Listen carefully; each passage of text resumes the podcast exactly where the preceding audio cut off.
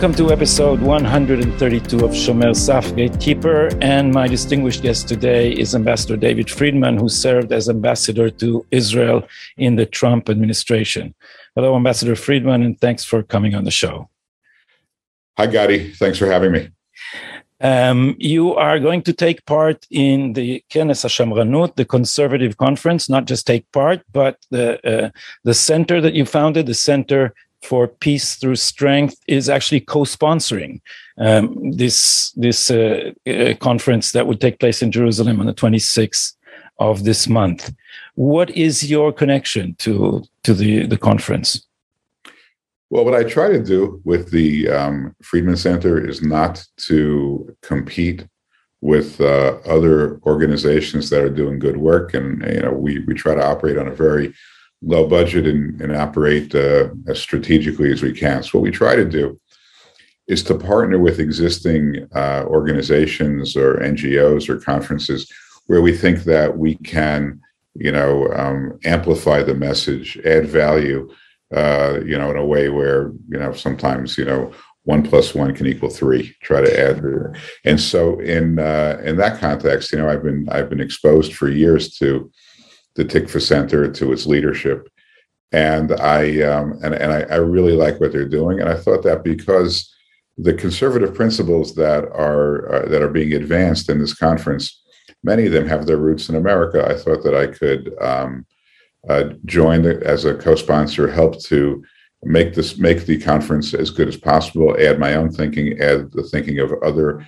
Americans who I had a relationship with, who I thought we could bring along, and to make it really a uh, a special conference where you know the principles of conservatism, which you know uh, don't have a long history of development in in Israel. You know, Israel uh, is one of those very few countries, maybe the only country in the world where the younger you get, the more conservative you get. The older you get, sometimes the more liberal you get. No one else. I don't think there's any other country in the world that's like that. Uh, and so, because the you know the establishment was was founded on on on, on principles that I don't think anybody would consider conservative, um, you know, uh, we I, am happy to kind of help Israel along, and at least in developing you know the the, the, the thinking about conservative principles. It's a democracy, and whatever the people of Israel decide for themselves I would of course respect, but I think we have the ability to uh, to to really aid in the discourse and, and to help. Um, I think bring some of the uh, some of the thought, the political thought, uh, to Israel that America thrived on for for many generations. In in Israel, it's a, it's a it's a well established uh, opinion in in our discourse that conservatism, the, the the conservatism that we now speak of, originated in America, but it's been your view that that that uh, that there was a, a, fundamental Jewish influence on American ideas. What are these ideas that that uh, influenced uh, the American culture?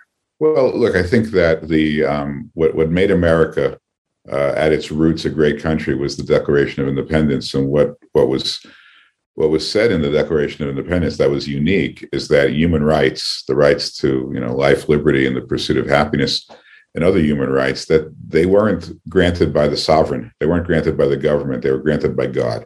And when all of a sudden human rights become uh, endowed by our Creator, in the words of our founders, they're no longer negotiable. They're not, you know, they're permanent. They're immutable.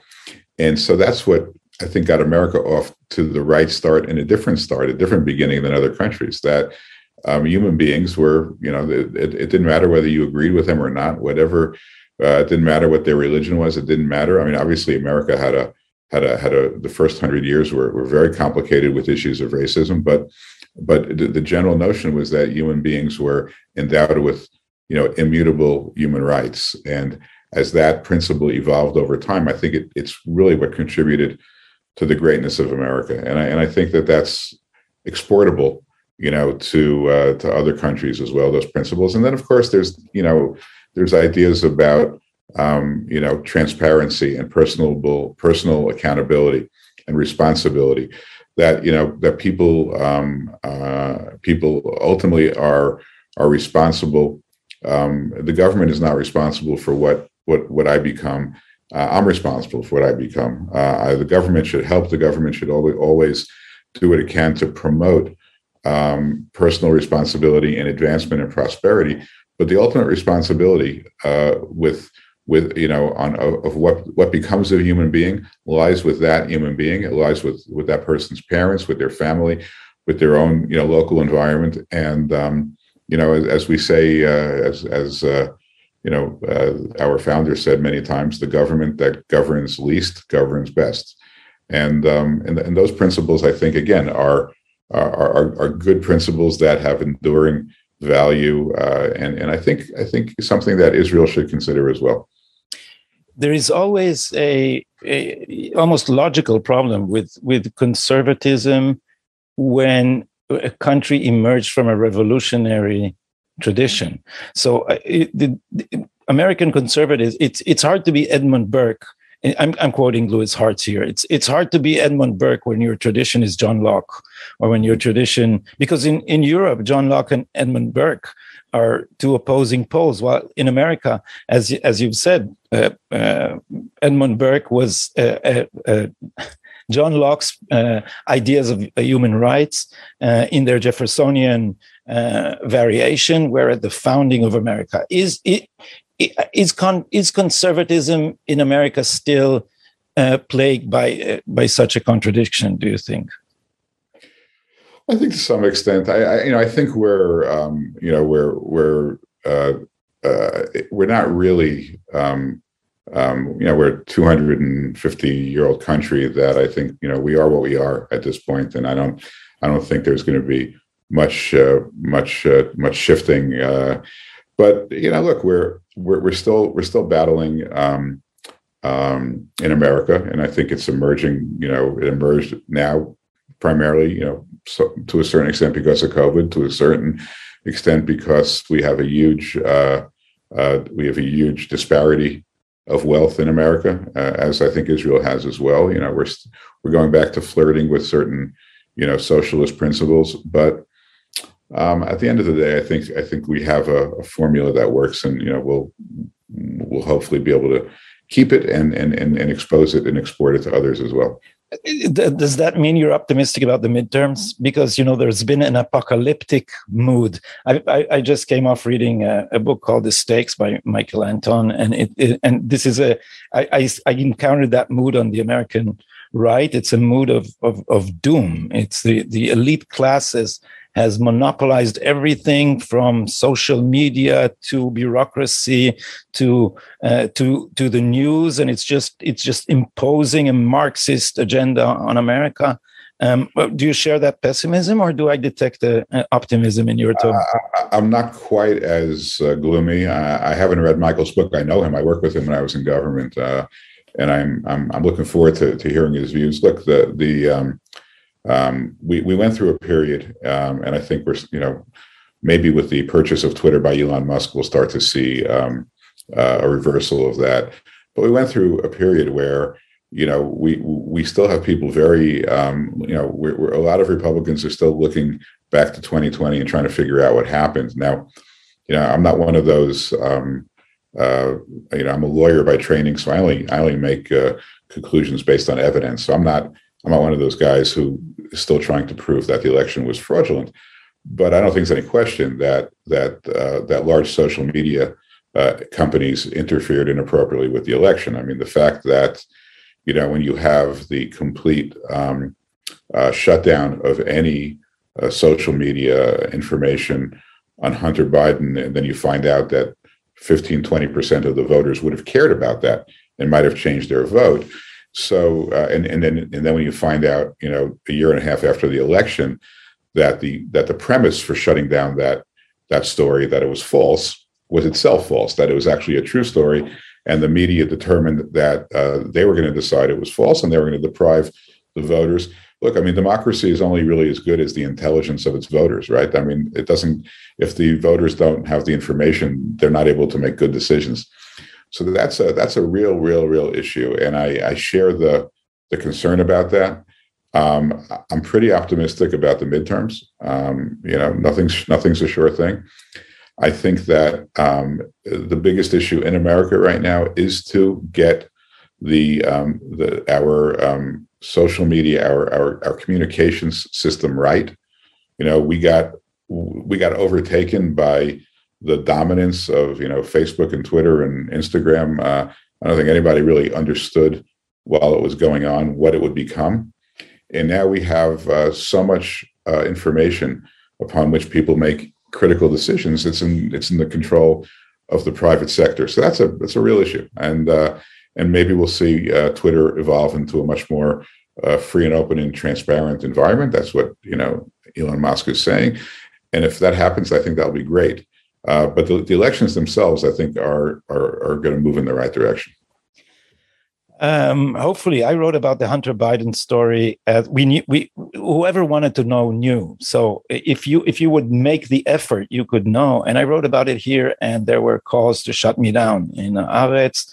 Uh, I was a conspiracy theorist, and you know the whole. So it's the yeah. same, the same here, and and we too are looking up to Elon Musk now. Although it's still in the private sector, uh, at least it would be more, a little more uh, balanced. Let's talk a little bit about your uh, your tenure as as ambassador. Even before that, your part in the in the uh, Trump campaign and in formulating Trump's uh, Middle East and especially Israel focused um, um, policy. What? How would you define first in, in most in the most general terms the way the Trump administration and you approached the the question of, of peace and the question of uh, Israeli American relations? So you know, most people kind of um, describe that as you know that I was you know extremely right wing to the right of Netanyahu, and and they completely missed the point. Um, um, my my view about the U.S. Israel relationship is that it it needs to grow up. Uh, America needs to treat Israel like a an adult, not like a client state, and that ultimately the most important point is that uh, Israelis, not Americans, but Israelis, know best what's best for Israel. That was my that was my premise. You know, in other words, if you know, I, I I've always been willing to respect the view of the Israeli people and the democracy of Israel people think I'm trying to push Israel to the right. I'm not looking to push Israel to the right. Israel happens to be a center-right country. What I'm what I'm trying to do is to enable the Israeli democracy to act for itself, to express its own views. And um, people, I think, have always misunderstood, you know, my views. I mean, my own personal political views, yes, of course, are to the right, but my job is not to substitute my view. I don't live in Israel. I mean, I'm, I'm here often now. I'm here, you know, many months during the year, but not an Israeli citizen. I don't send my kids to the army, and um, and I and I don't view it as, as my right at all to to to tell Israelis what to do. But I think it is my right to to tell the American government that they ought to allow Israel to make its own decisions for itself and to respect those decisions as we would respect the decision of any other democracy with which we have this kind of a relationship. So um, the, the the relations between America and Israel when when you came into office or when Trump came into office were at one of the lowest points. There have been low points before, and, and we tend to forget them. Uh, United the United States participated in the weapons embargo on Israel in the in in forty eight. Uh, Eisenhower was was very I mean hostile, maybe a, a too strong a word, but was uh, was willing to detach American policy from any consideration of Israel in the aftermath of the Suez crisis. And then came Obama. And I think Obama is, uh, I, I, often said this, uh, in my view, it's my interpretation. This is the first Edward Said uh, educated president of America. And in a, in a deep sense, like my friend Caroline Glick says often, even anti American, but certainly anti Israel. Yep. What, what what did you find when you came into office, and how did you how did you go about fixing it? Well, I agree with you, by the way, and I, I, think uh, uh, that that's one of the few things that uh, Obama and I share in common. We both took the class of Edward Said when we were at uh, Columbia, so uh, ah, ah. he probably he probably enjoyed it more than I did. But I wanted to, I wanted to uh, hear it myself. Um, the relationship was broken, uh, really broken. Uh, that, that's the way I, I, I, saw it when we came in. Hence the the metaphorical reference to a sledgehammer, the need to to break the uh, the, the connection and to re- reset it. Um, the, primarily, it was, um, and, and, but but this is true of Obama, but it's also true of of, of other uh, prior uh, presidents, including Republicans to some extent. Um, a sense that you know Israel is a problem uh, that, that, this it's basically you know, Israel's a problem. Uh, it, it it creates trouble for America. It puts America at odds with uh, countries that uh, are in its strategic interest to be aligned with. Obama, uh, Biden actually said it when he was yeah. vice president. He said the America's problem in the Middle East is its allies. Sorry to interrupt you. Yeah, yeah no, no, and, and and that's exactly it's exactly right. It's exactly the way they thought that Israel was was a problem. It, it put America at risk uh, from a security perspective. It put America at risk from an economic perspective. But that you know, it was kind of this. Um, uh, th- there was this uh, large group of people in America who loved Israel, whether because they saw Israel as the answer to the Holocaust, whether they saw Israel as a as, as a democracy, whether they were Jewish and they were proud, whether they were evangelical Christians and they saw Israel as being the beginning of the redemption, whatever they saw. So politically, um, uh, you couldn't be that tough on Israel, but you had to manage it because it was a problem. So you had to manage this geopolitical problem in a way that didn't get you uh, politically uh, into trouble. And that was, I think, a Republican and a Democrat approach. You know, for I would say the majority of the administrations since 1948, we came in. We came in and said, you know what? It's not a problem. I mean, the whole premise is wrong. Number one, we don't care about um, we don't care about all the oil in these countries. We're going to become energy independent. We never again want to depend upon upon oil in the Gulf. So we're, we're gonna we're gonna care less about about that. That's number one. Number two, we don't think that um, being pro-Israel is all that offensive to the Saudis or the Emiratis or the Bahrainis or the Qatar or Kuwait. We don't think they really care that much.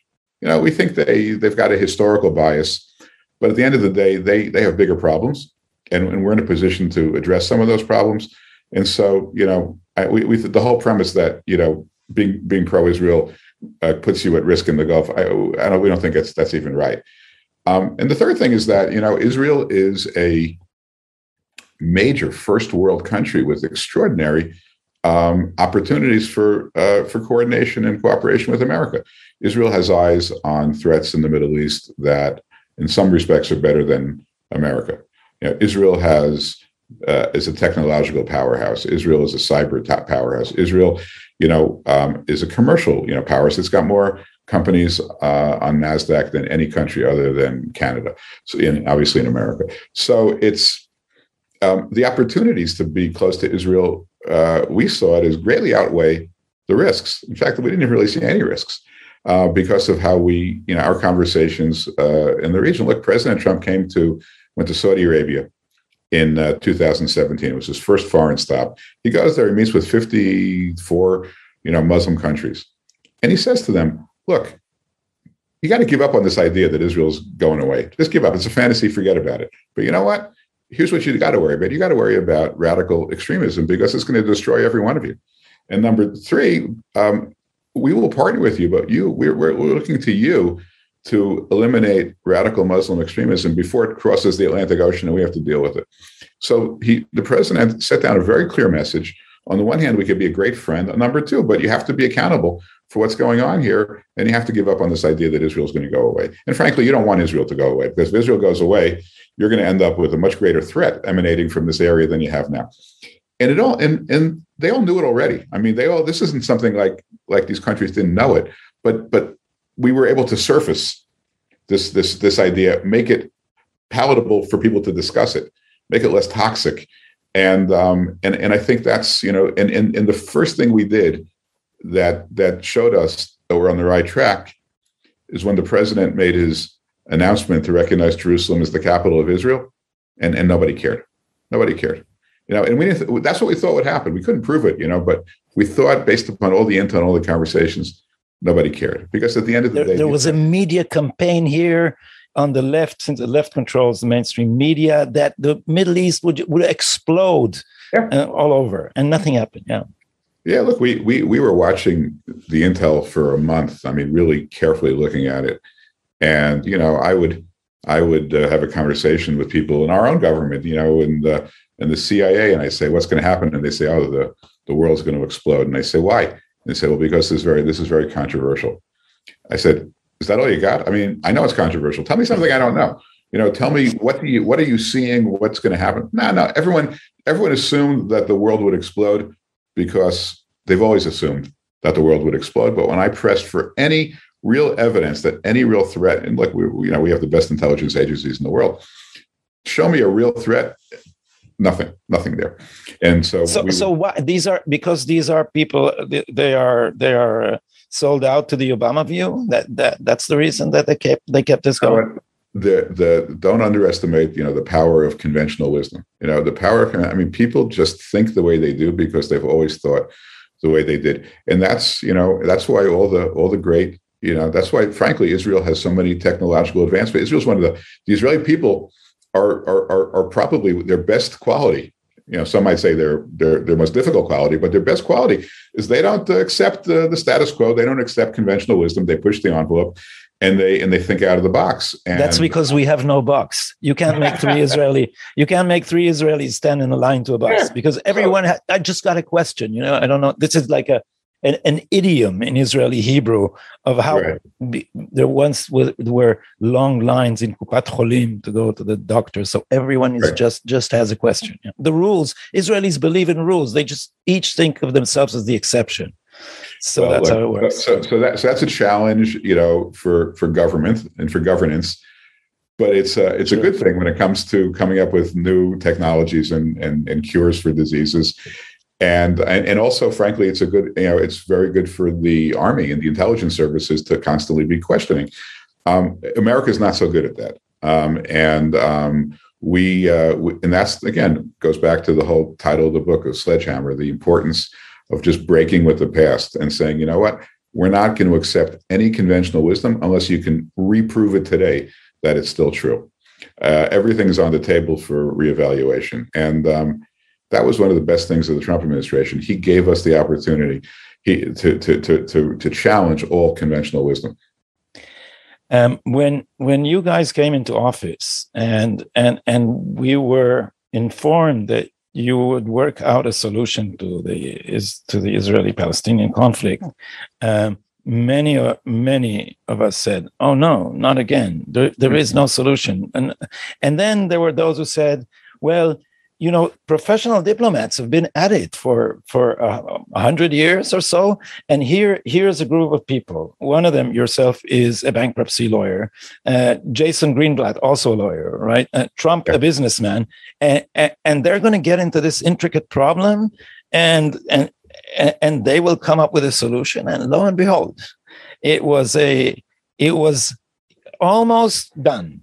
Um, in the end, is it true that Israel was was uh, uh, the, the, the obstacle?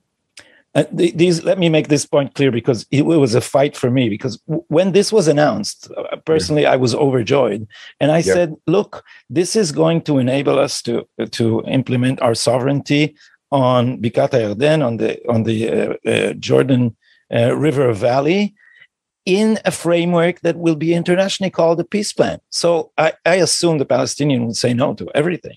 But then the Israeli right erupted, or the settlers erupted in resistance because it contained the idea or the phrase a Palestinian state. So I'm I'm jumping the gun here on on on many issues. Maybe I should just ask you how it came about and and if you think there was a missed opportunity there. Well, so how uh, we'll start with how it came about. Um, President told us from the beginning, you know, um, this is the most intractable conflict in the world. I want you to solve it because that, you know, uh, that's what I want to do. I want to solve unsolvable problems. So we, we worked on it, and I'll tell you, for a while, I shared your view that it was it wasn't worth the effort because we weren't going to solve it. The Palestinians weren't going to agree to anything. I would come back and forth to to DC from from here, and I just said to the president, "Look, um, you know, whatever impressions you may have of Abu Mazen when he meets with you and he you know you know and he acts all all respectful, I'm telling you, um, you know, uh, if you remember, you know, the summer of 2017 when there was uh, when two police officers were killed guarding the Har Habayit, and then you know they found out that the weapons had come from inside the mosque, and then they shut down the mosque, and then they wanted to put in metal detectors. I mean, and the whole place erupted. And I mean, I was watching. I thought that the Palestinians acted terribly, terribly. I mean, they they took this, they used this as an advantage just to create violence and to create leverage and to and to and, and more people were killed as a result of that. When what happened? There was there was there was a murder by a Palestinian terrorist from inside the mosque. They should be apologizing, not making demands about you know about what Israel should do. So I went back and I after that I went back and I told the president, look, this guy's this guy's not. He's never going to come to the table on terms we can agree with. And by the way, that doesn't even answer the question about Hamas, which is half the problem. And they're never going to make any kind of a deal on any terms that doesn't include Israel's destruction. So I managed his expectations that it's never going to happen. Then the question was, what do we do? Um, so Jared and Jason wanted to keep going. And, and I originally was said, well, why? You know, why are we doing this for? It's it's it's not going to lead us anywhere.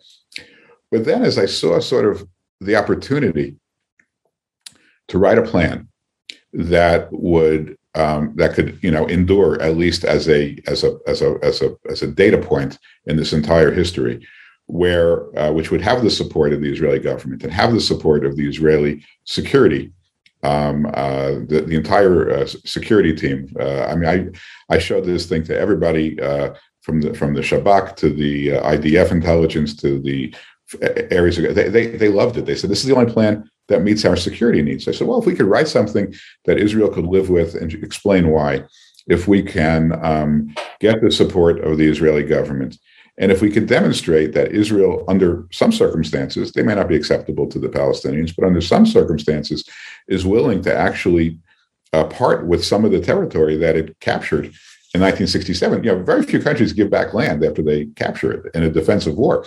So to show that that Israel has this willingness to negotiate and to compromise, and if we can, you know, uh, I mean, so the the whole issue of a state, you know, was very difficult for me to swallow.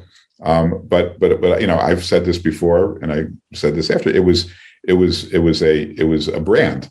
It wasn't the real state. It was you know okay if the Palestinians want to call it a state, that's fine. But you know they're not going to control their borders. They're not going to control their their airspace. They're not going to control their electric uh, electromagnetic spectrum. And Israel is going to have complete freedom, unrestricted freedom of operation for security. Not not not the you know the hot pursuit you know uh, uh, doctrine that was you know that Israel would fight for and, and, maybe not even get from America. But whatever, Israel has full freedom of operation inside of the territories, including Area A, which they don't have now, right? You know, at least not not under Oslo.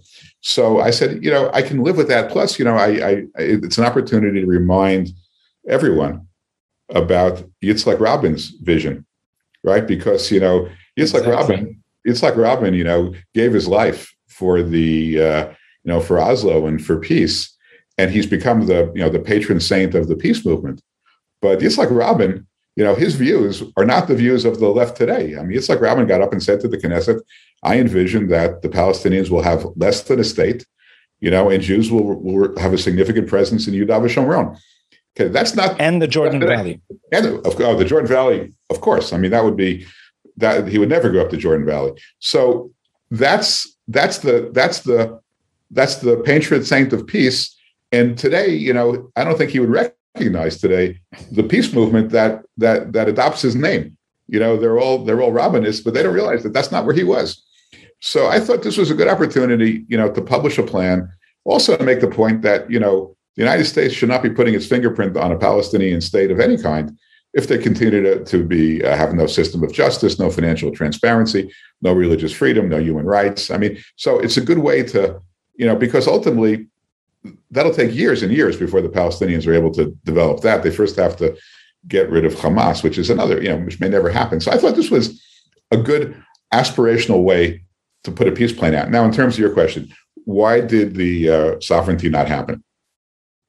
It's all in my book, but it's it's a combination of things. And I'll, I'll just tell you, I mean, some of the things. Some of the things are um, um, the far right didn't support the plan at all. The far right said, "Give us the sovereignty, but we're not. We're throwing out everything else." So that right away made it, you know, uh, you know, was was was a difficult argument to make because the United States is putting out a peace plan. Part of that is Israel will, will be able to obtain sovereignty, but part of it is that Israel will negotiate the remaining provisions of it. So when the right says we don't want it, and we don't, we only want what we like, and we don't want what we don't like, and of course they were they are then also um, politicking to the U.S. evangelicals the same thing. You know, it's the, it's the triumph of symbolism over political pragmatism. It's a it's a true tragedy. Yeah. And then and then you have other things happening, right? You have a Israeli government where the three leaders are Netanyahu uh, as the prime minister, but then Gantz and Ashkenazi as the defense minister and the foreign minister. And two out of the three are not in favor of this. They're not. And um, they're, they're not. Now, could they have gotten there? They might have gotten there if they could have resolved their other issues. In other words, if, if there would have been a two year budget passed so that Gantz and Ashkenazi have the security of knowing they're not going to be bounced out of office, they might have been more willing to get involved. But as it stood, you know, uh, because that wasn't on the table, they weren't likely to make an accommodation that would have made Netanyahu far more popular and done nothing for their politics. So the political politics were all yeah. messed up. And then on top of that, he had COVID, right? And the whole world is shut down and people are upset. And the polling of the Israeli population uh, was that far less than half were in favor now of going forward with the sovereignty because it's just enough things, there enough things on their plate to deal with, enough problems. So lots of lots of uh, these things could have been resolved. By the way, I believe that um, we could have achieved the Abraham Accords as well had we um, uh, kind of worked through uh, with the Emirates the idea that look, okay, you, are uncomfortable with the sovereignty, you want it delayed, but let's have a you know let's let's do a schedule. Let's let's do you know in other words, it could it didn't have to be in, it didn't have to be fully um, suspended um, um, I'll, I'll, never know the answer to that because we never we never tried that. But but but it might have been worth trying had there been more of a consensus position inside of Israel or inside the United States. I mean, as this all began to evolve, even the president was getting very negative on it because you know it just you know it just um, it, it was allowed to, um, to to to move off into different directions. There were too many points of view and, um, and where did Jared Kushner stand on, on all that? So Jared, Jared, I think was was of the view that um, uh, the opportunity for the Abraham Accords was so historical and so important that we would that if that was on the table, we would um, and, and, it, and it required um, sovereignty being delayed. It was it was it was a clear choice. I, but by the way, I, I, have to tell you, I mean, looking back, I agree with him because um, the, the, at, at, that time, at that time, the, uh, the, the opportunity was great and the risks of the sovereignty, just because of the, because the country was not behind it, uh, America was not fully behind it. Um, uh, I, I'm, I'm, I mean, on a, on a, on a risk adjusted basis, what's better? I mean, certainly now I'm advising the president. What's better for the president? It's not even close. At that at that point, the uh, Abraham Accords were a far better outcome for the United States than to than than to do a contested uh, recognition of sovereignty. And so I think you know I think Jared's view was was the right view. Um, there, one of the uh, important things um, and, related to, to to this agreement is that this agreement, this deal of the century, um, was a separate track. While for all previous administrations and for the Israeli left and for half the um, uh, anti for all the anti-Zionist uh, uh, left in in Europe too, and and generally for the center too, it was an axiom that you have to solve the Israeli-Palestinian uh, problem before you can reach uh, peace with any um, any other Arab state. Um, I, will just remark that that the the I started believing in the deal of the century when the I don't remember who was where it was stated, but uh, that it contained the principle that whenever the Palestinians refuse something, next they will get less. Because right. for so many years, every time they refused, we came up with a better offer, and America encouraged us to come with a better offer. Yeah. And here comes a president who's a businessman and says, "You don't negotiate that way. If if you negotiate that way, you just you you give." You give them incentive to say to keep saying no. Right. But yeah, look, we, we um, I mean, one one important provision which I don't think people understood was that Israel would, uh, out of the box, would get would have half of Area C, right? With roughly thirty percent of Yudav would half of Area C, which included all the communities and, and some room to grow. Uh, it would not build in the other half for four years to give the Palestinians a chance to negotiate. But after those four years, all bets are off, and they can go take the rest of Area C.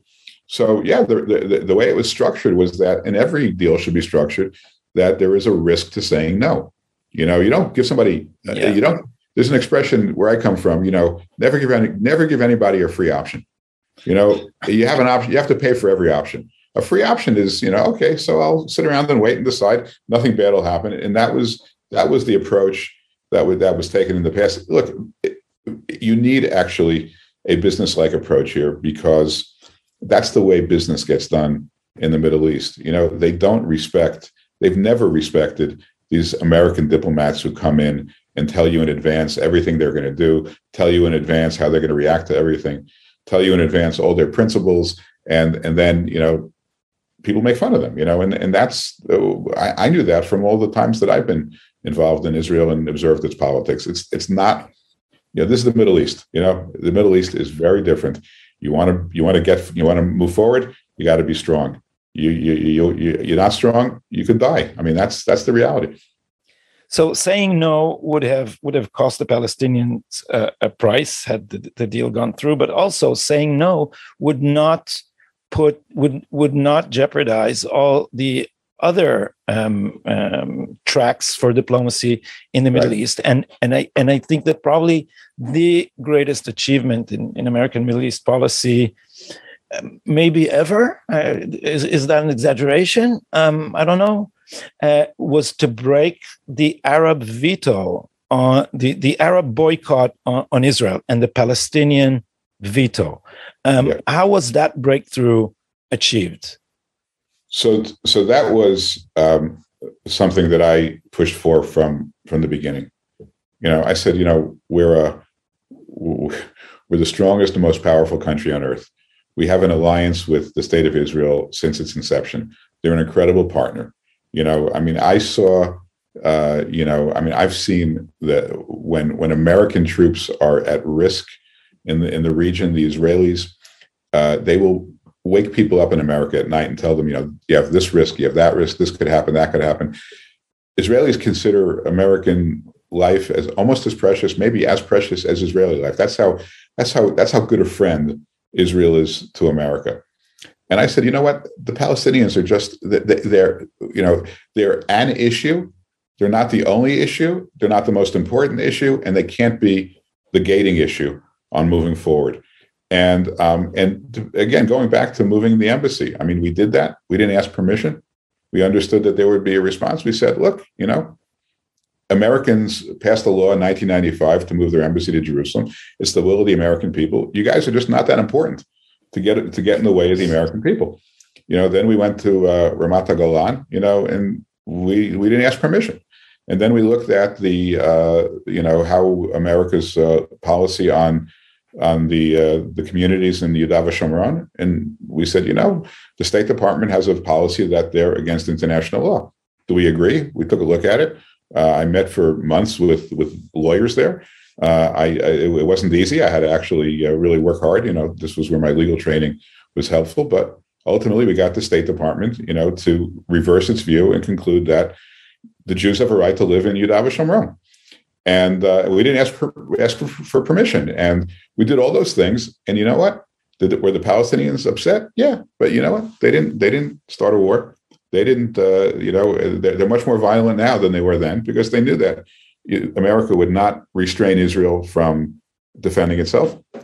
And also, none of these other countries cared. I mean, they just don't. You can. It, we're at a point now, and maybe maybe we were lucky because we just you know we just got we were here at the right time, uh, or maybe it was just you know the, the strength of our positions. But our our allies in the Gulf, um, some did it publicly, some have not yet done it publicly, but privately, they're they're not far away from the UAE and, and Bahrain um, they realized that their national interests were more important to them than, than, than, than siding with the Palestinians who were perpetually unreasonable and impossible. And, um, and when we were giving them the cover to, to begin to surface those types of relationships. And, and I think that you're 100% right. Getting rid of the Palestinian veto was the, the was the essential uh, thing that we, we broke. We broke the, the headlock that the Palestinians had on the region and I think everything else, you know, good came from that. And it began with Jerusalem. It also has to do a lot with the, the shift in the administration's uh, Iran policy. Um, was that uh, the were the Abraham Accords explicitly debated when President Trump decided that he would not he would leave the JCPOA, the the nuclear agreement with Iran? Um, look, they were uh, that decision was applauded by you know the Emirates and the Saudis and Bahrainis, and they were they were very uh, complimentary and happy about it. We didn't then turn around and say, okay, now that we did this, we want you to normalize with Israel. It didn't happen that in in, in response to it, but but I, look, I think it was I think it was part of the puzzle. You know, there there's you know wh- why are the Israelis and the Emiratis on normalized relationships? Um, is it helpful to have a common enemy? Sure. I mean, the common enemy with Iran and the U.S. response to it was was important. Um, but there's a lot more. I mean, the the the commercial opportunities, the tourist opportunities, the the alliances, the security sharing. I mean, so there was it was a whole package, and it, it evolved. But but once um, once we got out of the JCPOA, uh, we were certainly on the right track. I mean, we had at that point we had enormous credibility with all all our friends in the Gulf and with with Israel as well. And um, and of course, now that we're heading in a different direction, we're, we're putting those relationships much more at risk. I mean, it's it's obvious. I mean, you're you're forcing the um, the Saudis and the Emiratis to, to to to find a way maybe to coexist with Iran, and they're you know the Saudis and the Emiratis are Saudis and the Iranians are are having meetings.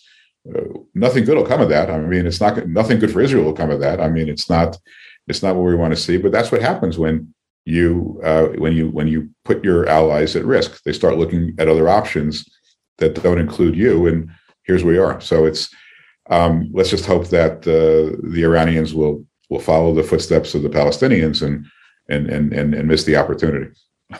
Um, I, I, like to end these shows on, on, an optimistic note, but I'm afraid that might not be the um, that might not be possible if we, we, we because because I want to finish with Iran and, and the Biden administration and the fact that they have they have uh, uh, forbidden to call the Abraham Accords Abraham Accords, mm-hmm. um, which is a which is a, a, a, big red light. Of course, are they really trying to to to undo them? Is it gone that far? I don't think so. I, I mean, uh, so we'll we'll I'll, I'll, spare you the most pessim- pessimistic scenario. I don't think so. I think that would be uh, uh, politically unwise and diplomatically unwise. Um, but um, what they're doing is certainly going to um, uh, restrain the advancement of the Abraham Accords, and um, and everybody's watching what they're doing with Iran. I think I think they would have been prepared to take the IRGC off the terror watch list. I think pol- politically they're hearing from too many people in their own party, too many uh, Democratic senators. That's a bridge too far, and I think the the uh, Iranians are asking for assurances that a, that a Republican president can't undo this, which I think is also very hard to get. So the Iranians seem to be um, um, uh, finding a way to, to blow this, which I'm, I'm happy about. But the real question is this are we going to go back to crippling sanctions against Iran and, and continue to make them make them pay for their their their view. I mean, I've are, you know people have said to me, "Why'd you get out of the JCPOA?" And now the Iranians are enriching uranium and they're moving towards a nuke. Isn't it better for them not to? My response was, "It was never a deal. You know, there was never a deal there. I mean, the Iranians uh, prohibited uh, inspectors from looking at their military sites." So where are they likely to cheat on their military sites where they would develop weapons? So it was never a deal um, and it did nothing about you know ballistic wep- ballistic missiles or, or, fomenting terrorism. And they cheated, and they you know their whole their whole representation that they had no uh, you know aspirations for a nuclear weapon were, were were shown to be a lie by the Mossad. So you know we didn't give up anything by getting out of the JCPOA. The question is how do we get the Iranians to to stop becoming nuclearized? And the only way to do it is to really make them choose. You have to give them the stark choice. Do you want to be a nuclear nation um, or uh, and a bankrupt nation, or do you want to be a non-nuclear nation? You know that has that has an economy. That ha- that has to be the choice. They have to be in a position where if they opt for nukes, they also opt for bankruptcy. And we could get that. We we can make we could force that choice upon them. The question is, will Biden do that? Because that's the only way to uh, to, to solve this problem.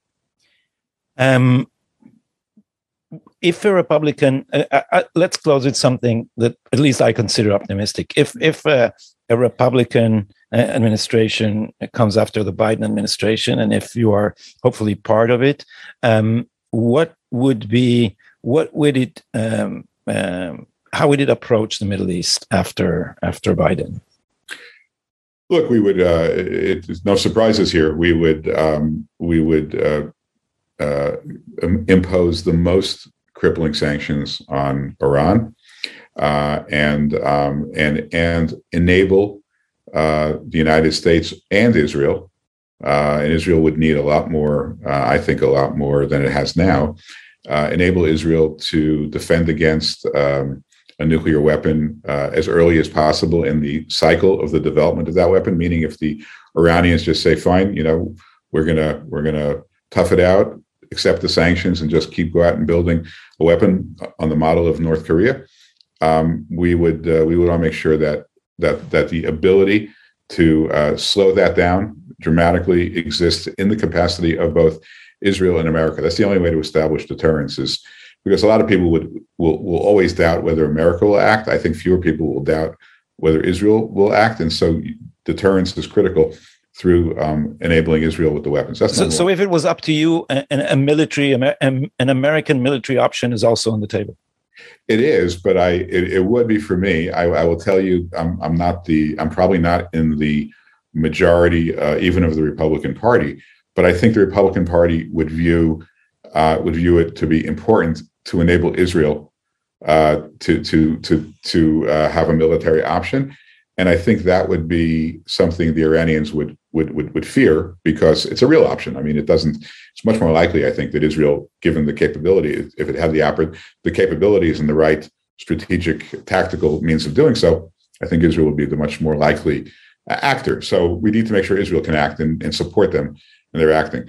Uh, separately, look, we would we would take that that peace plan you know, we dust it off, we take it off the table, we go back to the um, to the uh, to the sovereignty movement because the sovereignty, you know, uh, uh, nobody agreed to uh, cancel it. It was just agreed to be suspended. We were back in office. The the suspension would be would be over. The time for the suspension would be over, and we would go back and continue to socialize it. And we try to, you know, work with our friends in in the Gulf, get more uh, parties to the Abraham Accords. I think we'd get the Saudis. I think we'd we'd make some progress even with uh, Kuwait and Qatar. I mean, it's it's possible. I think we could make some progress, some progress in Indonesia. I mean, there's all kinds of openings that could be possible for us, even Pakistan. So, you know, we, we would work really hard to, and, and, and we would tell the Palestinians, you know, this look, we think you have the right to live in peace and dignity. We want you to prosper. We want you to have a, a better life for your children and your grandchildren but um, but but your demands are exorbitant. They're never going to be met. Why don't we sit down with some some of your friends and work something out? And um, we have to end um, we have to end Hamas. I mean, there, there's there's nothing to talk about if uh, if Hamas is running a militia that every time they don't like what's happening, they're going to start firing rockets. So we need to figure that out, and we obviously need to enlist the Egyptians. And America needs to get better, get, you know, have better relations with Egypt too. I mean, uh, you know, the uh, ever since uh, Morsi was uh, was uh, taken out of power, you know, the Obama administration treated Egypt very poorly. Um, I, I, think we were much better, but now, you know, Biden's back to, uh, you know, treating Egypt in a way that I don't think they deserve. I think uh, Al Sisi's done an enormous good to stabilize the region, and um, we need to we need to work with him again. So uh, we, we would do everything. We'd do almost everything differently. I mean, whatever is doing, just reverse it, and that would be our policy. Amen. Uh, I, I, hope we would see that day. Uh, uh, Ambassador Friedman, those who want to hear more from you can do so on the Kenes HaShamranut, the uh, conservative conference in Jerusalem in the 26th of May, where you will be speaking. Thank you so much for taking the time and coming on the show. Thank you, Gadi. Pleasure being with you. Goodbye. Bye bye.